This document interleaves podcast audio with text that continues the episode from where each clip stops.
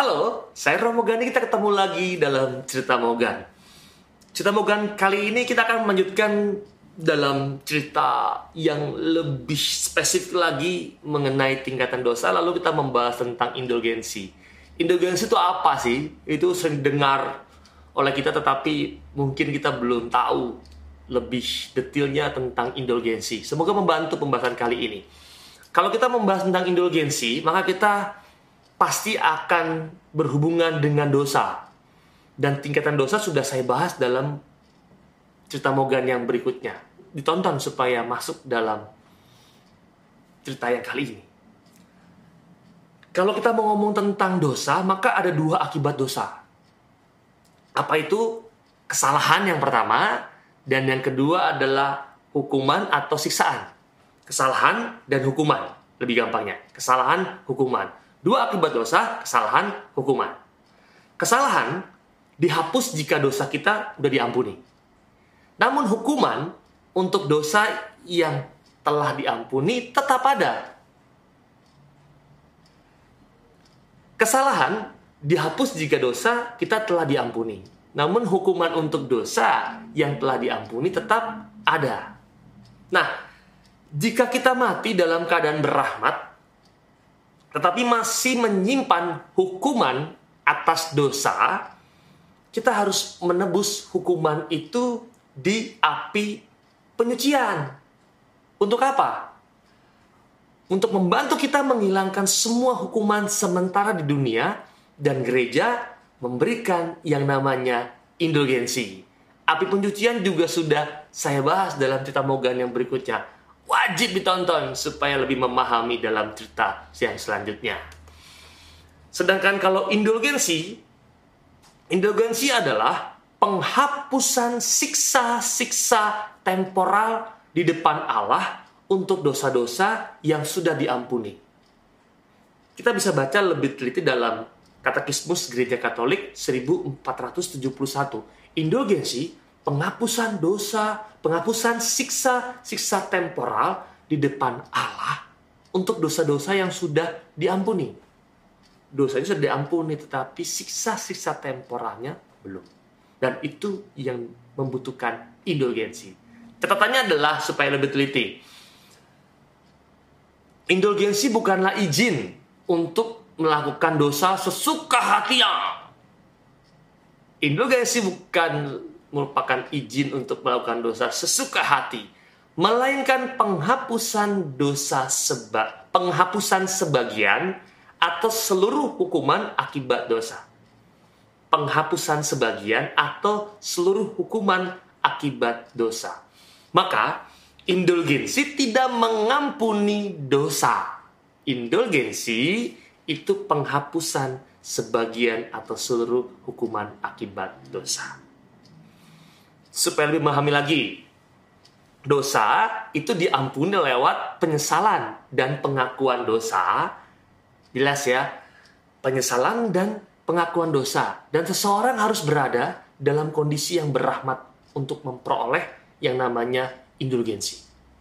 Barulah ia bisa mendapat penghapusan hukuman temporal untuk dosa yang diampuni itu. Ada disposisi orang itu untuk menempuh atau mendapatkan atau memperoleh indulgensi.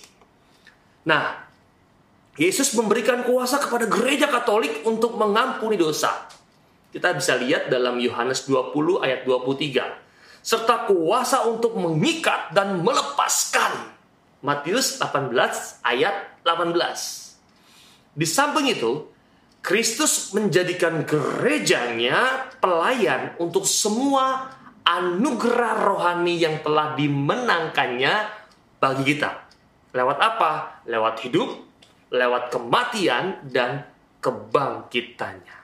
Maka atas harta karun rohani yang tak terbatas inilah, Allah masih menambahkan anugerah rohani yang diperoleh para kudus dalam kerjasama dengan rahmatnya. Allah menambahkan anugerah rohani yang diperoleh para kudus dalam kerjasama dengan rahmatnya. Kalau mau dilukiskan gereja sebagai ibu yang baik, menggunakan harta karun rohani ini untuk membantu kita anak-anaknya menghapus hukuman dosa. Dan pada saat yang bersamaan mendorong mereka untuk bertumbuh dalam sucian. Menarik ya? Gereja sebagai ibu yang baik menggunakan harta rohani kita, harta rohani ini untuk kita. Untuk apa? Mendorong kita untuk bertumbuh dalam kesucian. Maka indulgensi yang diberikan oleh gereja bisa sebagian atau juga bisa penuh. Indulgensi bisa diberikan oleh gereja sebagian dan bisa penuh loh. Sebagian penuh, sebagian penuh, penuh sebagian. Bagaimana cara menjelaskannya? Indulgensi sebagian menghapus sebagian hukuman dosa. Indulgensi sebagian itu menghapus sebagian hukuman dosa. Sedangkan indulgensi penuh menghapus semua hukuman dosa sebagian penuh. Catatannya supaya lebih kritis untuk mengertinya. Kita dapat memperoleh indulgensi untuk diri kita sendiri atau untuk jiwa-jiwa di api penyucian. Tetapi bukan untuk orang lain yang masih hidup di dunia. Semoga menangkap. Kita da kita dapat memperoleh indulgensi untuk diri kita sendiri yang masih hidup, saya. Atau untuk jiwa-jiwa di api penyucian, untuk orang-orang yang kita cintai dan siapa pun. Tetapi bukan untuk orang lain yang masih hidup di dunia. Mengapa? Untuk orang lain yang masih hidup di dunia, indulgensinya diperoleh lewat absolusi orang tersebut. Untuk orang mati, indulgensi diperoleh lewat permohonan dari orang yang masih hidup kita. Maka kalau kita mendoakan untuk orang yang sudah meninggal, alasannya itu supaya orang-orang di api penyucian itu mendapatkan indulgensi. Pastikan Anda membaca buku tentang indulgensi ini yang ditulis sesudah tahun 1968. Mengapa? Karena pada tahun tersebut gereja telah merevisi aturan-aturannya. Sebelum tahun 1968, buku-buku tentang memperoleh indulgensi memperinci jumlah tertentu hari-hari yang dikaitkan dengan berbagai perbuatan baik. Ini tidak berarti bahwa indulgensi itu mengurangi jumlah hari di api penyucian. Tidak begitu. Hal ini sekedar berarti bahwa indulgensi yang diperoleh lewat perbuatan tertentu sama dengan indulgensi yang diperoleh dengan melakukan tobat publik pada gereja perdana untuk jumlah hari yang sama. Semoga terbayang ini. Tidak untuk mengurangi jumlah hari di api penyucian. Sedangkan pada tahun 1968, gereja menyederhanakan hal ini dan sekarang mengelompokkan indulgensi hanya dalam dua kelompok yang kita kenal tadi, indulgensi sebagian dan indulgensi penuh. Selama bertahun-tahun ada sebuah anggapan bahwa untuk mendapatkan indulgensi penuh, orang harus pergi mengaku dosa dalam kurun waktu 8 hari sebelum dan sesudah perbuatan yang mendatangkan indulgensi itu. Nah, namun pada tanggal 29 Januari tahun 2000, lembaga kepausan untuk penitensi menerbitkan dokumen yang memperbolehkan kurun waktu 20 hari sebelum dan sesudahnya yang kurang lebih sekitar tiga minggu.